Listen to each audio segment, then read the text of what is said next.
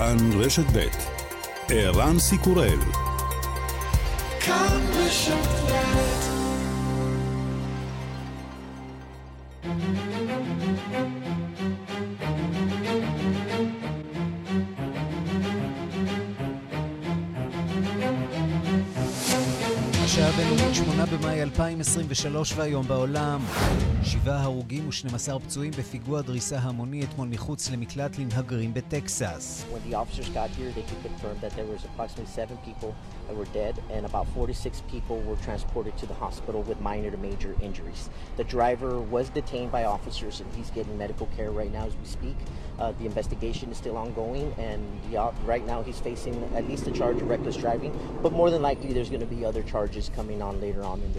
כשהשוטרים הגיעו לכאן הם מצאו שבעה הרוגים ו-46 פצועים שהובהלו לבתי החולים עם פציעות קלות עד בינוניות. הדורס נעצר ומקבל טיפול רפואי ממש בשעה זו. החקירה נמשכת, הוא יואשם בנסיעה פזיזה, אבל ייתכן שיהיו כאן אישומים נוספים. בתוך כך המשטרה חוקרת מניע אידיאולוגי גזעני לטבח שבוצע בקניון שלשום.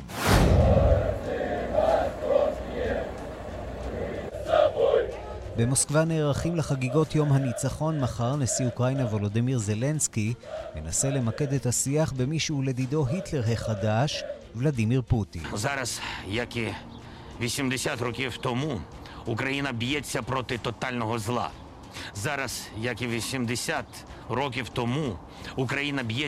לפני 80 שנה אוקראינה נלחמה נגד רוע מוחלט, עכשיו, כמו לפני 80 שנה, אנחנו מסתמכים על כוחן של האומות החופשיות שישחררו את אירופה.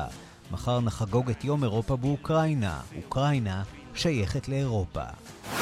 ירדן תוקפת סוחרי סמים בשטח סוריה בשתי תקיפות אוויריות. בתקיפה חוסל סוחר סמים בולט המקורב לארגון חיזבאללה, אשתו וששת ילדיו. בתוך כך אתמול חזרה סוריה לשורות הליגה הערבית. لقد أثبتت جميع مراحل الأزمة السورية أنه لا حل عسكريا لها وأنه لا غالب ولا مغلوب في هذا الصراع למשבר בסוריה אין פתרון צבאי, אין מנצחים ואין מפסידים, אומר סמך שוקרי, שר החוץ המצרי.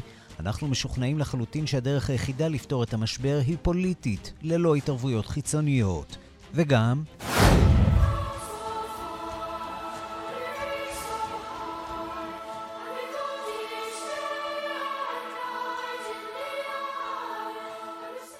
בלונדון סיימו אתמול את חגיגות ההכתרה בקונצרט חגיגי בהשתתפות ליונל ריצ'י, קטי פרי ולהקת טייק דאט. הנסיך וויליאם הצהיר, אבא, אני גאה בך. For all that celebrations are magnificent, at the heart of the pageantry is a simple message. Service. My father's first words on entering Westminster Abbey yesterday were a pledge of service. It was a pledge to continue to serve. Because for over 50 years, in every corner of the UK, across the Commonwealth, and around the world, he has dedicated himself to serve others, both current and future generations, and those whose memory must not be neglected. I commit myself to serve you all, King, country, and Commonwealth. God save the King. לכל החגיגות יש מסר פשוט, שירות. אבי התחייב אתמול בטקס לשרת, להמשיך לשרת. לאורך השנים ברחבי הארץ והעולם, הוא שירת אחרים למען עתיד הדורות הבאים והנוכחיים. בשם אלה שהודרו, גם אני מתחייב לשירות, נצור את המלך.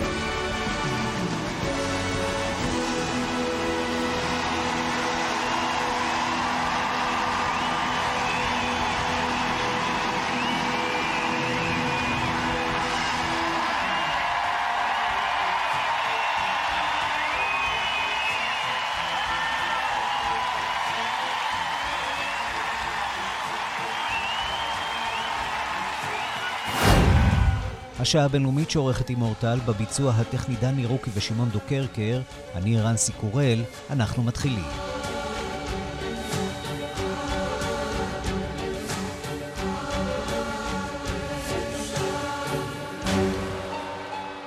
שלום רב לכם. אירוע רודף אירוע בטקסס אה, שבארצות הברית, שבעה הרוגים באירוע דריסה בתחנת אה, אוטובוס סמוך למקלט אה, מהגרים בטקסס.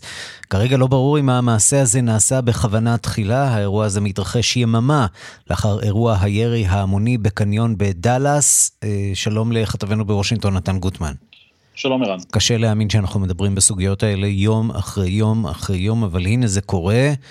אה, אירוע דריסה שצריך להודות עדיין לא לגמרי ברור מה המניע כאן, נכון?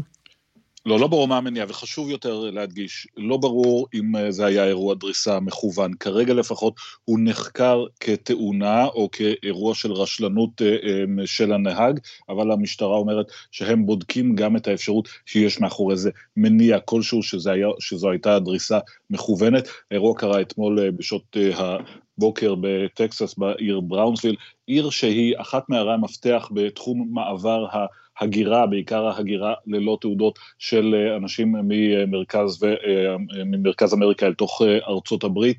ושם מחוץ למקלט שיועד במקור לאנשים אה, חסרי בית ועכשיו משמש בעיקר מהגרים שחצו את הגבול באזור בראונסוויל וממתינים שם לאיזשהו פתרון למצב שלהם. עשרות אנשים התגודדו שם אה, בחוץ מול המקלט הזה, כאשר לפתע הגיחה במהירות רבה מכונית ופשוט פגעה בהמון הגדול שעמד שם. התוצאה הייתה מאוד קשה, תיאורים מהשטח קשים, שמונה בני אדם נהרגו בתאונה הזאת, ישנם עוד אה, פצועים שנמצאים בבתי החולים. הנהג הדורס לא זוהה עדיין, רק נאמר שהוא אה, גבר היספני, אה, או לפחות דובר ספרדית ואנגלית, כי הוא דיבר עם השוטרים בשתי השפות, הוא סירב לעבור בדיקות נשיפה כדי לבדוק אם הוא נהג בשכרות, ובצו של בית משפט הוחלט לקחת ממנו בדיקת דם, והנושא הזה נמצא בבדיקה כרגע. שוב, השאלה המרכזית מאחורי האירוע הזה, הטרגי לכשעצמו, היא האם מדובר כאן באירוע דריסה מכוון נגד uh, מהגרים, או שמדובר באירוע מאוד חמור של רשלנות בתחום הנהיגה. ואם חוזרים לאירוע של uh, שלשום, uh, אותו ירי המוני בקניון בטקסס, שם כבר מסתמן מניע והוא ככל הנראה גזעני, נכון? אה, כן, יש, אה, ככל שיוצאים יוצאים פרטים אה, נוספים על האדם שמאחורי אירוע הירי הזה באלן, טקסס, צריך גם אולי לומר, טקסס מדינה ענקית, אין קשר גיאוגרפי צמוד בין מה שקרה באלן, טקסס למה שקרה בבראונסוויל, טקסס, אבל ככל שיוצאים פרטים נוספים על, על החשוד בדריסה הזאת, מתברר שאותו אדם, מוריסיו גרסיה, בן, גרסיה, בן 33, פרסם ברשתות חברתיות מסרים ניאו-נאציים וגזעניים, כך שיש לפחות סבירות או חשד שזה היה המניע לדבריו. לא ידוע בשלב הזה שהוא השאיר את מה שהחוקרים מכנים לפעמים המניפסט, אותה הצהרת שנאה שמשאירים רוצחים מהסוג הזה לפני שהם יוצאים למסע שלהם. אבל העובדה שהתגלו הפוסטים הניאו-נאצים האלה שלו, בהחלט מרמזת על כיוון אפשרי למסע הרצח הזה, שנזכיר, גם הוא הוביל למותם של שמונה בני אדם. נתן גוטמן, כתבנו בוושינגטון, תודה. תודה רבה.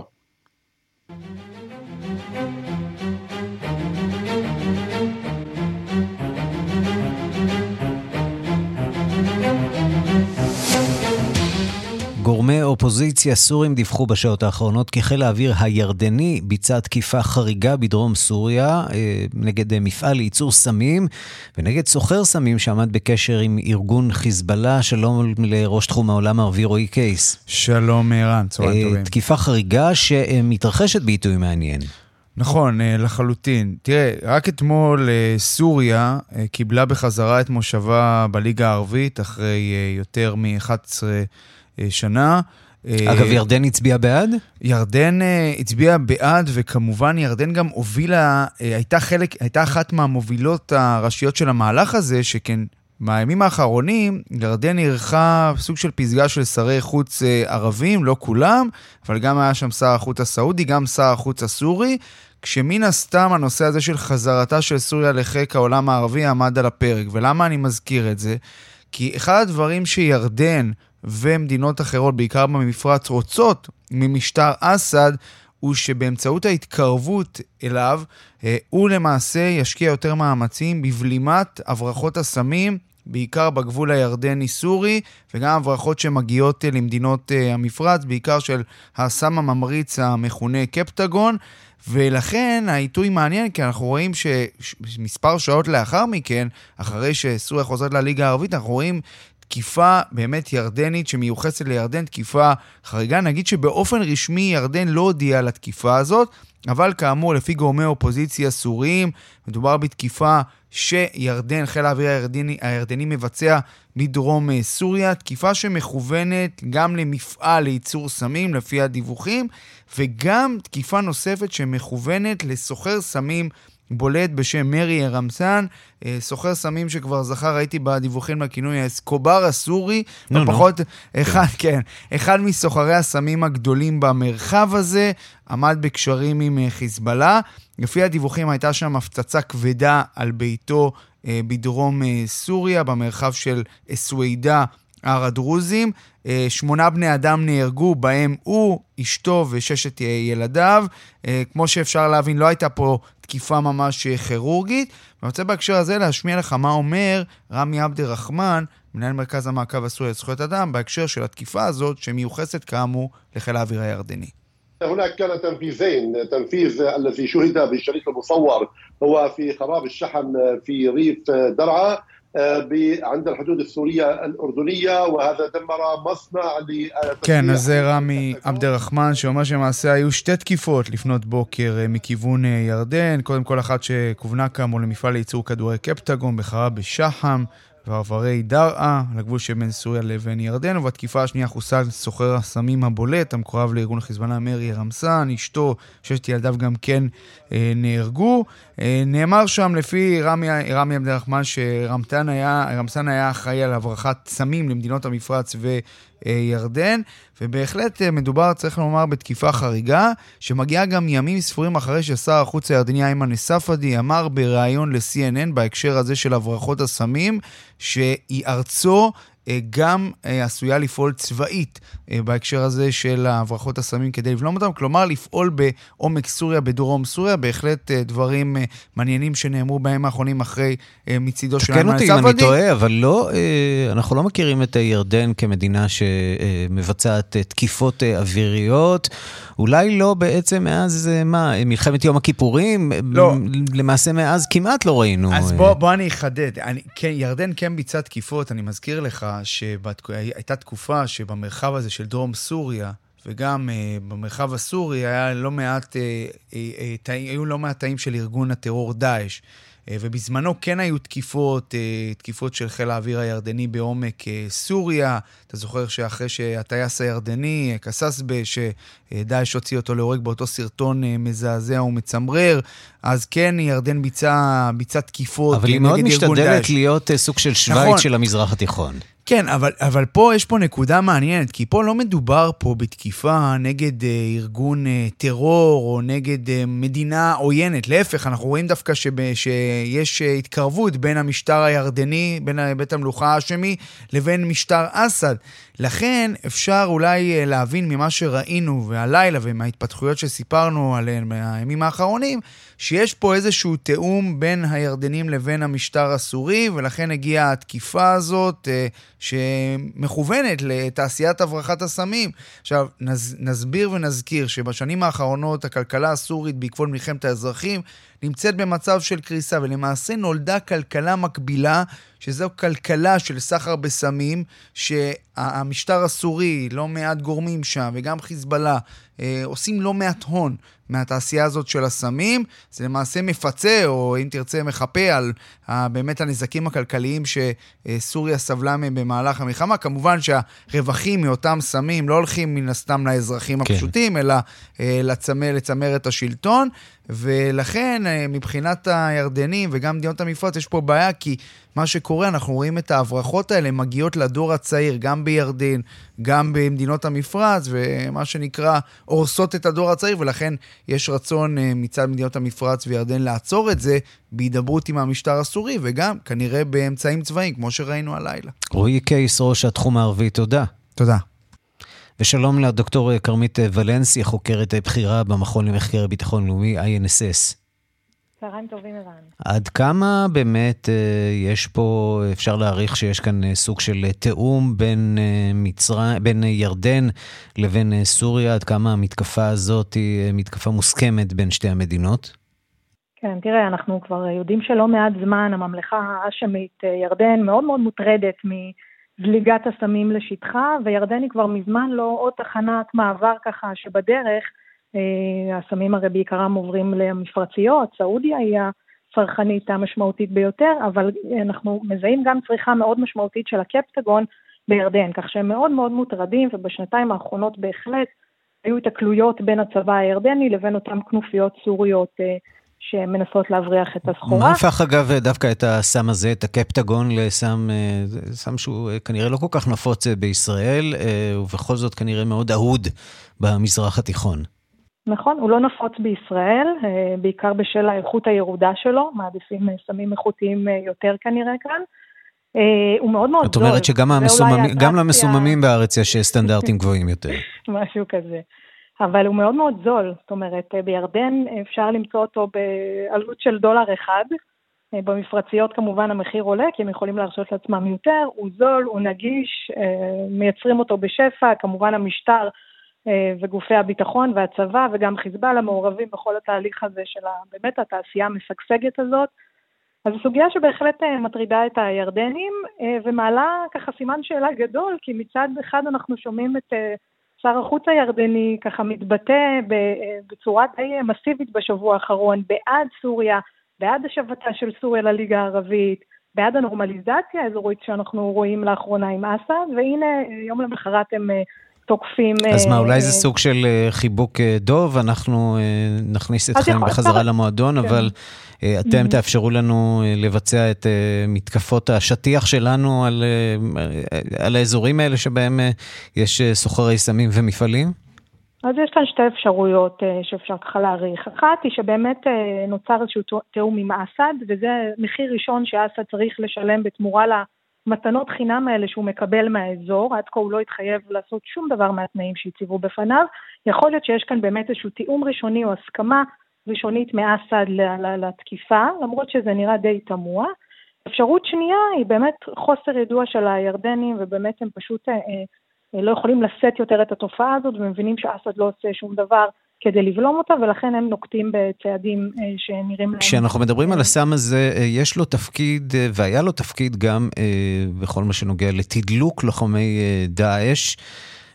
הוא סייע מאוד להגביר את האנרגיה שלהם שם בלחימה, כך על פי הדיווחים. ובד בבד, משטר אסד עשה לא מעט כסף מהסיפור הזה, נכון?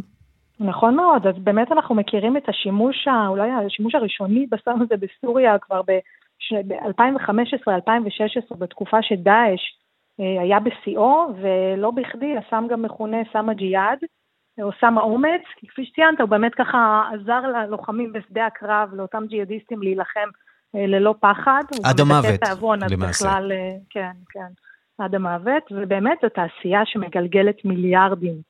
למשטר, תעשייה שמגלגלת מיליארדים למדינה שהיא הרוסה במצב הכלכלי הגרוע ביותר, גם בהשוואה לימי השיא של מלחמת האזרחים בסוריה. סוריה נמצאת במצב הקשה ביותר, באמת קטסטרופה כלכלית והומניטרית, והנה הם מוצאים באמת כלכלה מקבילה. והמשטר מוביל את התעשייה הזאת של ייצור והברחות הקפטגון. אנחנו מדברים על סדרי גודל של בין 30 ל-50 מיליארד דולר בשנה הכנסות למשטר, זה באמת סכומים ש... הם לא ברי השוואה לשום אה, יצוא, תחום, אה, עולם, ענף יצוא אחר בסוריה. אז ציינת שהסם הזה לא מאוד פופולרי כאן בישראל, אבל עד כמה ישראל מעורבת במהלכים האזוריים האלה במטרה למנוע אה, תפוצה וזרימה של סמים מסוריה?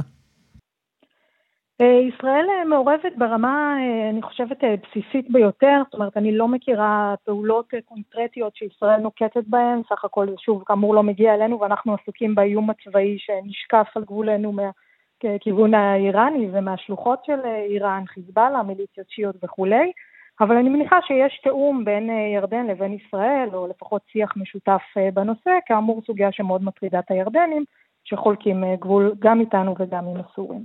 אז סוריה חוזרת עכשיו לליגה הערבית. מה זה אומר בעצם ש... נסתם הגולל על אה, הסיכוי להעמיד את אה, בשאר אסד לדין על הפשעים שלו, על אה, מעשי רצח המוניים, על השמדה של אזרחים בנשק כימי. כל זה כבר נמצא מאחורינו ולא יקרה כנראה לעולם? כך זה נראה לצערנו, ולמורת רוחם של מה שנותר מהאופוזיציה הסורית. אנחנו משוחחים גורמי אופוזיציה בסוריה והם באמת בתחושה של, אין לי דרך אחרת לתאר את זה, אלא דיכאון וייאוש ותסכול. בעיקר ממדינות המזרח התיכון וגם מהמערב שלא עושה שום דבר קונקרטי כדי לבלום את המגמה הזאת של ההתקרבות לאסד. הם רואים בו באמת פושע מלחמה שנקט בכל אמצעים כדי לדכא בצורה ברוטלית ביותר את, ה, את המרד, והנה העולם הערבי אומנם לקח לו יותר מעשור, אבל שב לחבק את אסד ולהשיב את סוריה לליגה הערבית, ובאמת המשמעות היא בעיקר סימבולית. אין כאן עכשיו איזשהו אה, צעדים קונקרטיים שאנחנו אה, מכירים אולי בהמשך, לא בשלב הזה, אז המשמעות היא בעיקרה סמלית, אבל גם לסימבול יש אה, חשיבות, וכפי שציינת, אני חושבת שברמה התודעתית הולכת ומתקבעת ההבנה כאן באזור, שאסד כאן להישאר, כל מאמצי המהפכה והמורדים להפיל אותו כשלו, וגם האמריקאים שמאוד לא אוהבים את התהליך הזה, אין, אין מה לעשות, ובעצם מדינות האזור אה, עושות את מה שהן עושות, כי הן לא סומכות על אף גורם חיצוני. למה? כי יש גם תקווה אה, של האמריקנים שאולי הסיפור הזה יצליח לתקוע טריז אה, בין סוריה לבין איראן, בין סוריה לבין פוטין. יכול להיות שזה הכיוון, זה האינטרס האמריקני, קרבה יותר גדולה של אסד למדינות האזור, שאולי לא, ימתנו הוא, אותו? נהפוך הוא. העמדה האמריקאית נותרה בעיניה, וביידן מהרגע הראשון שהוא נכנס לממשל, אה, לתפקיד הנשיאות, הוא אה, חזר והדגיש שהם לא מכירים באסד והם מתנגדים לכל הכרה בפושעי המלחמה. זה עדיין בעינו. כן, אלא אם כן אה, אנחנו נראה שינוי פוליטי ואסד יטמיע את מה שהם מכנים בעצם החלטה 2254 של מועצת הביטחון של האו"ם, שנועדה להתוות הסדרה פוליטית בסוריה. אסד לא בכיוון. כלומר, האמריקאים מתנגדים, מאוד לא אוהבים את ההכרה האזורית, אבל אין להם מה לעשות עם זה. זו החלטה הדרגתית שאנחנו רואים באזור התחילה ב-2018 עם ההכרה של איחוד האמירויות, שהחליטו לנרמל יחסים עם סוריה, ובאמת בסוף 2021 ירדן מצטרפת, ואנחנו רואים גל של מדינות שהולך בכיוון הזה.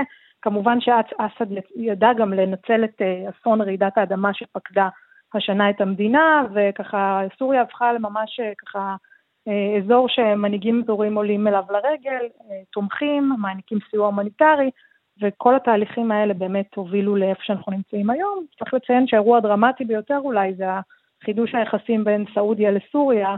סעודיה הרי שתמכה במשך שנים במורדים הסורים ועשתה ככל שביכולתה כדי אה, בסופו של דבר להפיל את השלטון. אה, הנה היום אה, מבקרת בדמשק, ואסד כנראה יגיע לפסגת הליגה הקרובה. מבחינת ישראל, השינוי האסטרטגי הזה במעמד של סוריה, צריך לשנות משהו בתוכניות לטווח הקצר? לטווח הארוך, אולי אה, כניסה לאיזושהי אה, התנהלות מול סוריה שהיא שונה מזו שהורגלנו בה, תקיפות, אה, או שאולי אה, דווקא להפך, אה, איראן ממשיכה להזרים נשק דרך סוריה לחיזבאללה. אז נכון לעכשיו האיראנים ממשיכים בשלהם ובפרויקט הצבאי שהם מבססים בסוריה כבר לא מעט שנים. אחת הטענות, בעיקר, זאת אומרת, שנשמעות מה, מהעולם הערבי, זה שבתמורה להכרה באסד ואולי אפילו לסיוע כספי לתהליך השיקום של המדינה הרוסה הזאת, אסד יידרש לוויתורים, ואחד מהוויתורים זה צמצום והגבלה של הנוחות האיראנית בשטחו.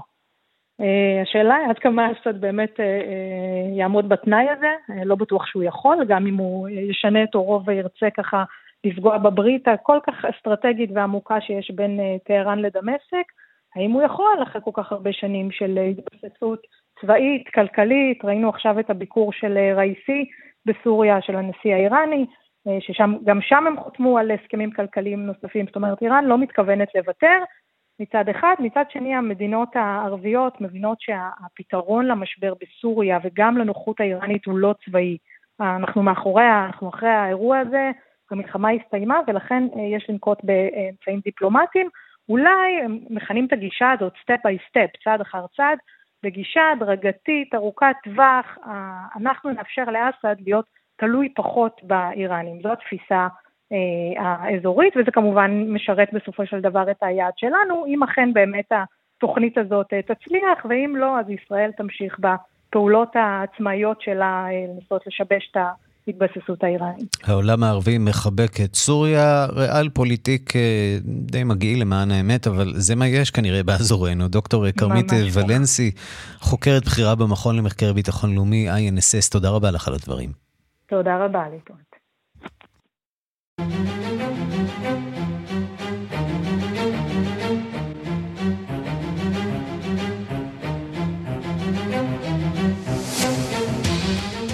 אנחנו לקנדה, שם משתוללות אה, שריפות כבר כמה וכמה ימים. אמנם ממטרים פזורים שירדו אתמול הקלו במעט על השריפות אה, במחוז אה, אלברטה, אבל הפרובינציה במצב חירום, והיא פינתה קרוב ל-30 אלף בני אדם מבתיהם. מקנדה מדווחת כתבתנו לימור שמואל פרידמן. מחוז אלברטה במצב חירום, למעלה מ-100 שריפות באזורים שונים והשר לביטחון הציבור מייקל אליס מבקש מכולם להתכונן. I would also uh, ask that all Albertans, whether you're close to an area that is currently impacted or not, to please take steps to prepare yourself in the event that you have to leave your home due to an emergency response. אני מבקש מכל האלברטנים, באם אתם באזור שמושפע מהשרפות או שלא, להכין את עצמכם למצב שבו תיאלצו להתפנות. ואומנם כ-30 אלף בני אדם כבר פונו מבתיהם, האקספו סנטר בעיר הבירה אדמונטון הוא כעת ביתם של עקורים רבים. שם הם מקבלים מזון, ביגוד, שירותי בריאות להם ולחיות המחמד שלהם. הם הגיעו מאזור עמק דרייטון, כשעתיים נסיעה מהעיר. ויין ומרי קורלוק מספרים איך השרפה חלפה ממש ליד ביתם ואינם יודעים אם שרד או עלה באש. Fire went just. But we're not sure if it's still burning there or not. We don't know. Everybody be safe and evacuate. Please don't stay. Get out. Nobody can come and save you if you decide to stay. ומרי מוסיפה, התפנו, צאו החוצה למקום בטוח. איש לא יציל אתכם אם תישארו. עד כמה שזה נשמע נורא, יש מי שלא רוצים להתפנות. זכרי דרסלר חושש מפורצים. היישוב שלו עוסק בעיקר בנפט ובחקלאות, לדבריו הוא התבקש להתפנות, אבל העשן נראה עושה דרכו לכיוון השני, מה שעשוי לאפשר חלון הזדמנויות לפורעי חוק בעיירה הנטושה, והוא מסרב לעזוב. I did make it back into Drayton yesterday.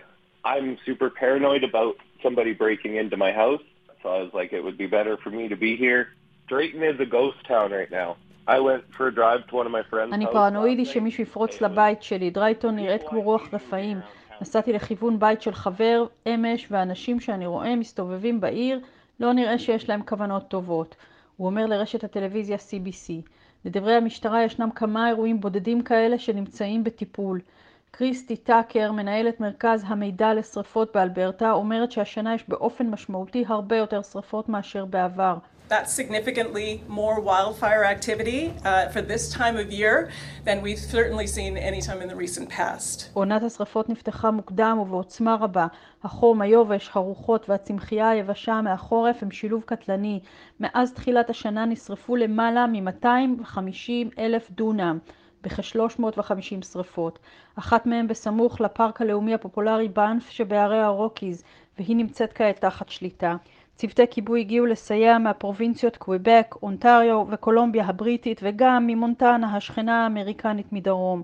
אמנם ממטרים פזורים שירדו אתמול הקלו במעט על השרפות, אך המאבק הגדול נראה שחוזר על עצמו בכל שנה עם שינויי האקלים. חבר'ה, נעבור את זה יחד, מבטיח השר לביטחון הציבור. מקנדה לימור שמואל פרידמן. המחאה החברתית בצרפת הגיעה לאירועי יום הזיכרון לניצחון על הנאצים במלחמת העולם השנייה. מחשש להפגנות נגדו הדליק נשיא צרפת עמנואל מקרו את לפיד הזיכרון בשער הניצחון בסדרת שאנזליזה בפריז ללא קהל השנה. גם ההפגנות אה, המתוכננות אחר הצהריים בעיר ליון נאסרו. הדיווח של כתבנו בפריז, גדעון קוץ. אירועי יום הניצחון על גרמניה הנאצית בפריז הזכירו הבוקר את ימי סגר הקורונה. שדרות שאנזליזה וסביבתם נחסמו לחלוטין לקהל. הנשיא מקרון נסע במכוניתו בבדידות לא מזהרת כשיחידת פרשים לפניו בשדרה ריקה לחלוטין. הסיבה? חשש מהפגנות נגדו ביוזמת האיגודים המקצועיים על רקע המחאה החברתית. בטקס המסורתי בשער הניצחון ציפו לו בכל זאת המוזמנים הרשמיים, חברי הממשלה, ראשי הצבא, אנשי ציבור ותלמידים נבחרים ודיפלומטים, כך שהיה לו למי ללחוץ יד על רקע נגינת התזמורת הצבאית.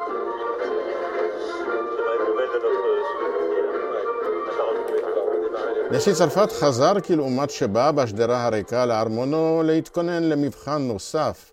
אחר הצהריים יצא מקרון לליון כדי לשאת נאום לזכרו של מפקד המחתרת נגד הנאצים, ז'אן מולן, שעונה והוצא להורג בכלא מונלוק שם.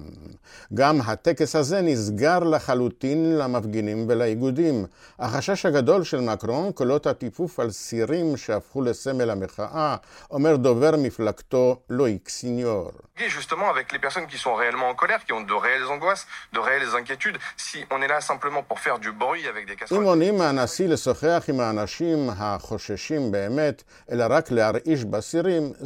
אם האיגודים לא מתכוונים לוותר וקראו להפגנה בקרבת מקום.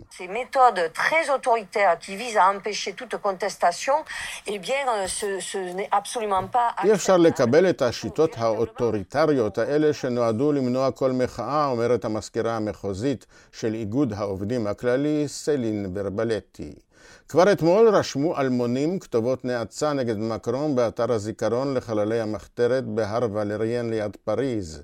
המציאות חשובה מהזיכרון, טוענים המפגינים, אחרים מזהירים מחילול הערכים המקודשים ביותר של הרפובליקה. כאן גדעון קוץ, מפריז.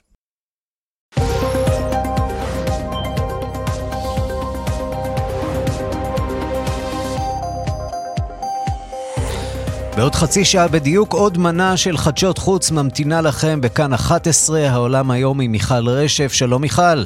ערן. ומה היום על סדר היום שלכם? אז תראה, אנחנו כמובן נפתח uh, ברוסיה, מחר יציינו שם את uh, יום הניצחון על הנאצים, uh, תשעה במאי, חג uh, לאומי גדול, אבל בניגוד לשנה שעברה, שאם אתה זוכר, חשבו שהחגיגות, שרוסיה תנצל את החגיגות כדי לעשות איזו מתקפה יותר רצינית על, uh, על אוקראינה, אולי אפילו החגיגות יערכו בקייב הכבושה, השנה היוצרות מתהפכות, והרוסים הם אלה שנדרשים לצמצם עוד ועוד את, ה, את החגיגות. אולי זה משום שהחיילים שלהם עסוקים מאוד אה, באוקראינה.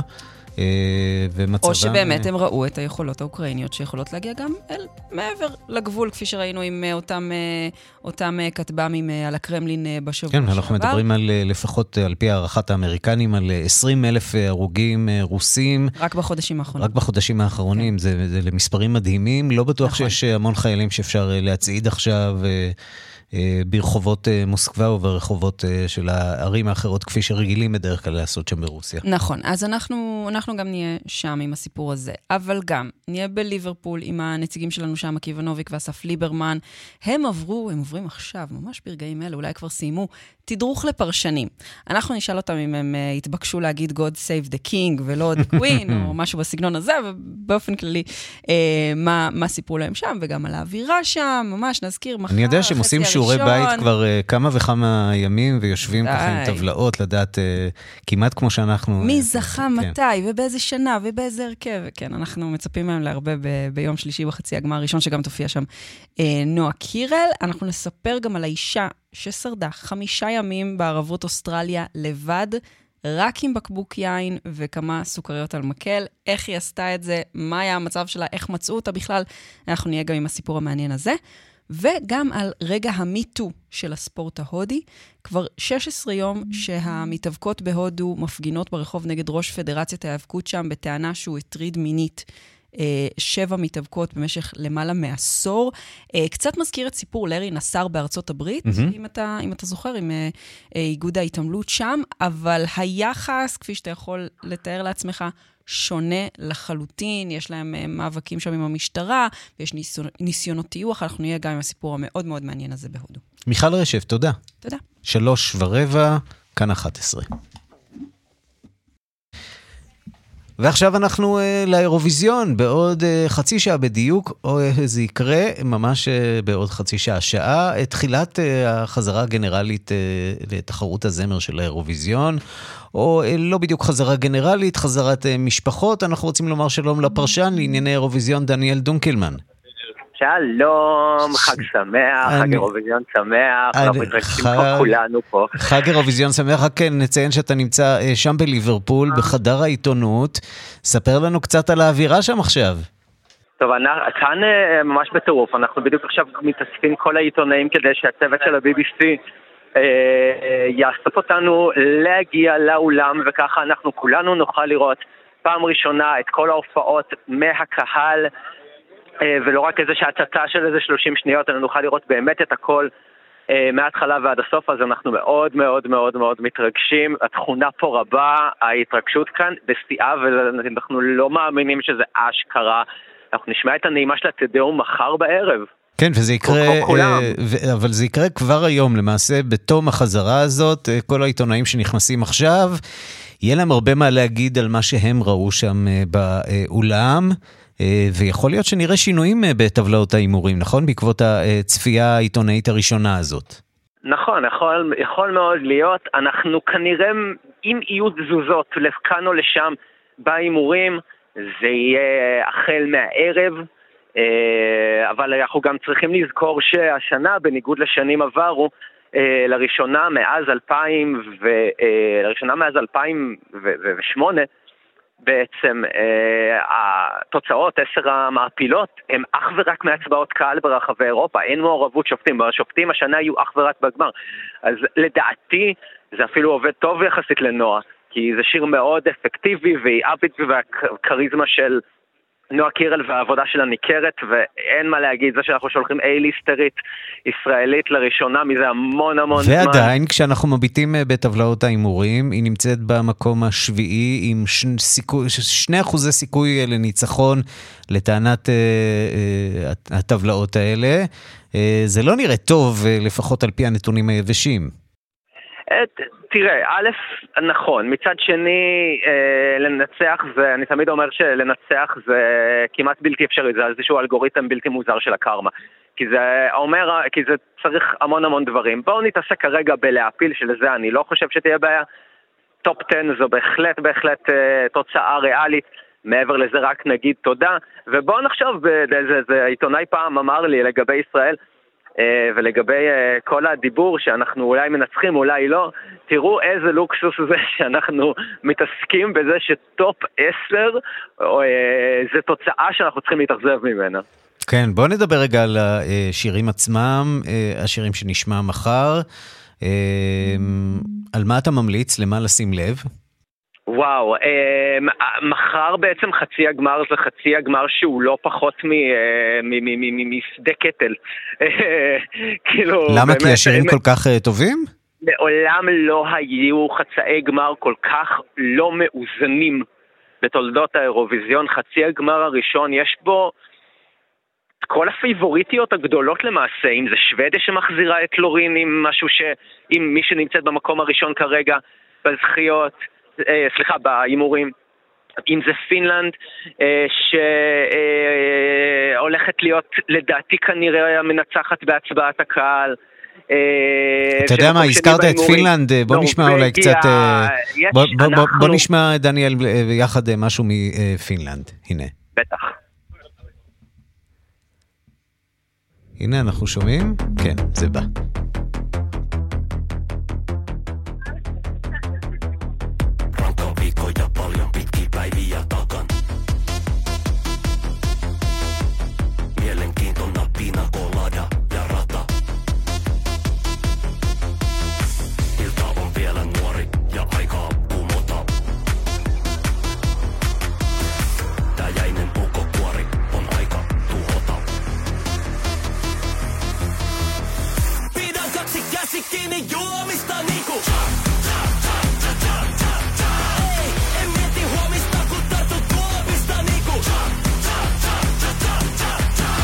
דניאל דונקלמן, מה נסגר? מה, מה, מה זה הדבר הזה ולמה זה כל כך אה, גבוה? למה זה במקום השני אחרי אה, השיר הנעים והלירי של אה, שוודיה?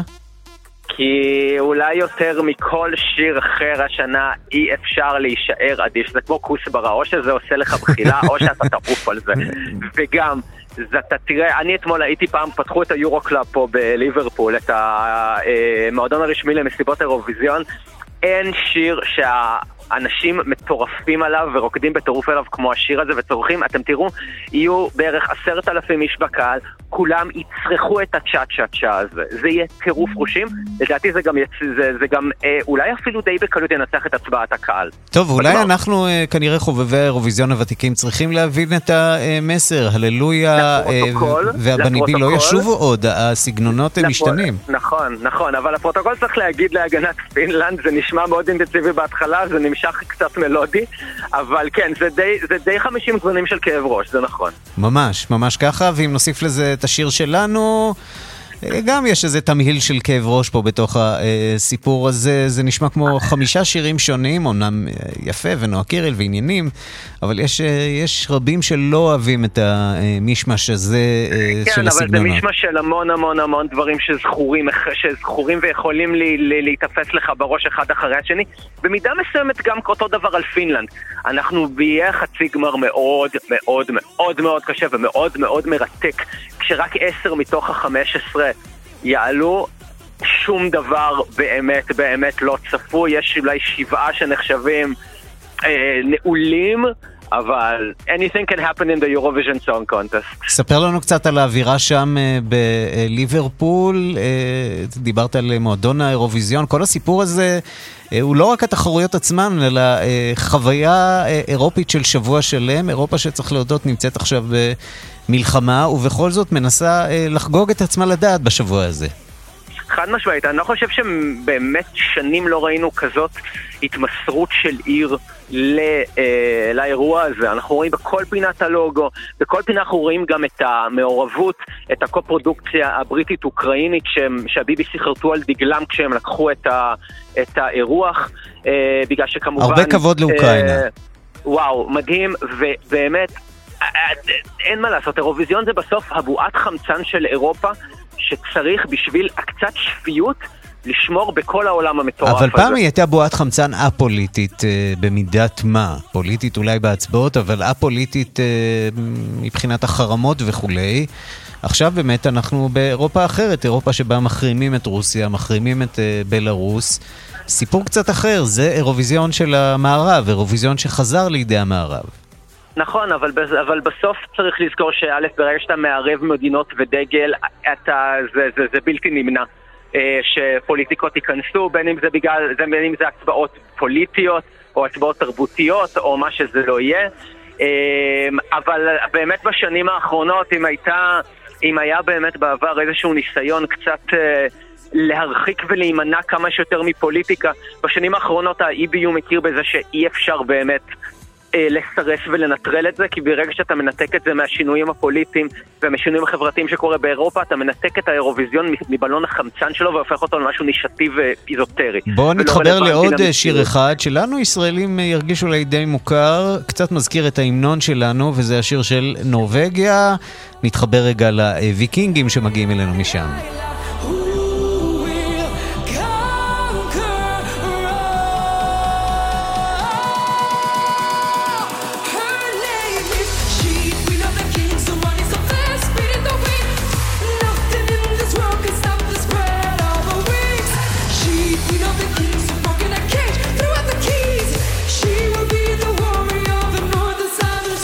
רק לי זה מזכיר את התקווה? אה, לא רק לך, זה השיר, מה ששמענו עכשיו, אם שמענו קודם את פינלנד שהולך לסגור את חצי הגמר שיהיה מחר, נורבגיה הולכת לפתוח את חצי הגמר, אולי הפתיחה הכי חזקה לאיזשהו חצי גמר אי פעם, היא נמצאת כרגע במקום הרביעי או החמישי לדעתי בזכיות, היא הגיעה מקום ראשון בגלובלי ויראלי של ספוטיפיי ברגע שהיא נבחרה. זה מאוד Gen Z, זה מאוד fun, זה מאוד מאוד impactful. אה, ונראה לאן זה יגיע בגמר. דניאל דונקלמן, שיהיה לכם שם בהצלחה, תהנו מחצי הגמר. תודה אה, רבה, ו... תהנו גם אתם בארץ, תחזיקו אצבעות ל Unicorn שלנו, אתם הולכים ליהנות באמת באמת ממופע שבאמת כנראה אולי האירוויזיון הכי טוב שהיה מאז תל אביב. דניאל, תודה. לא נורמלי. תודה רבה. ועד כאן השעה הבינלאומית שערכת עם אורטל בביצוע הטכני דני רוקי ושמעון דוקרקר. אני ערן סיקורל, להתראות.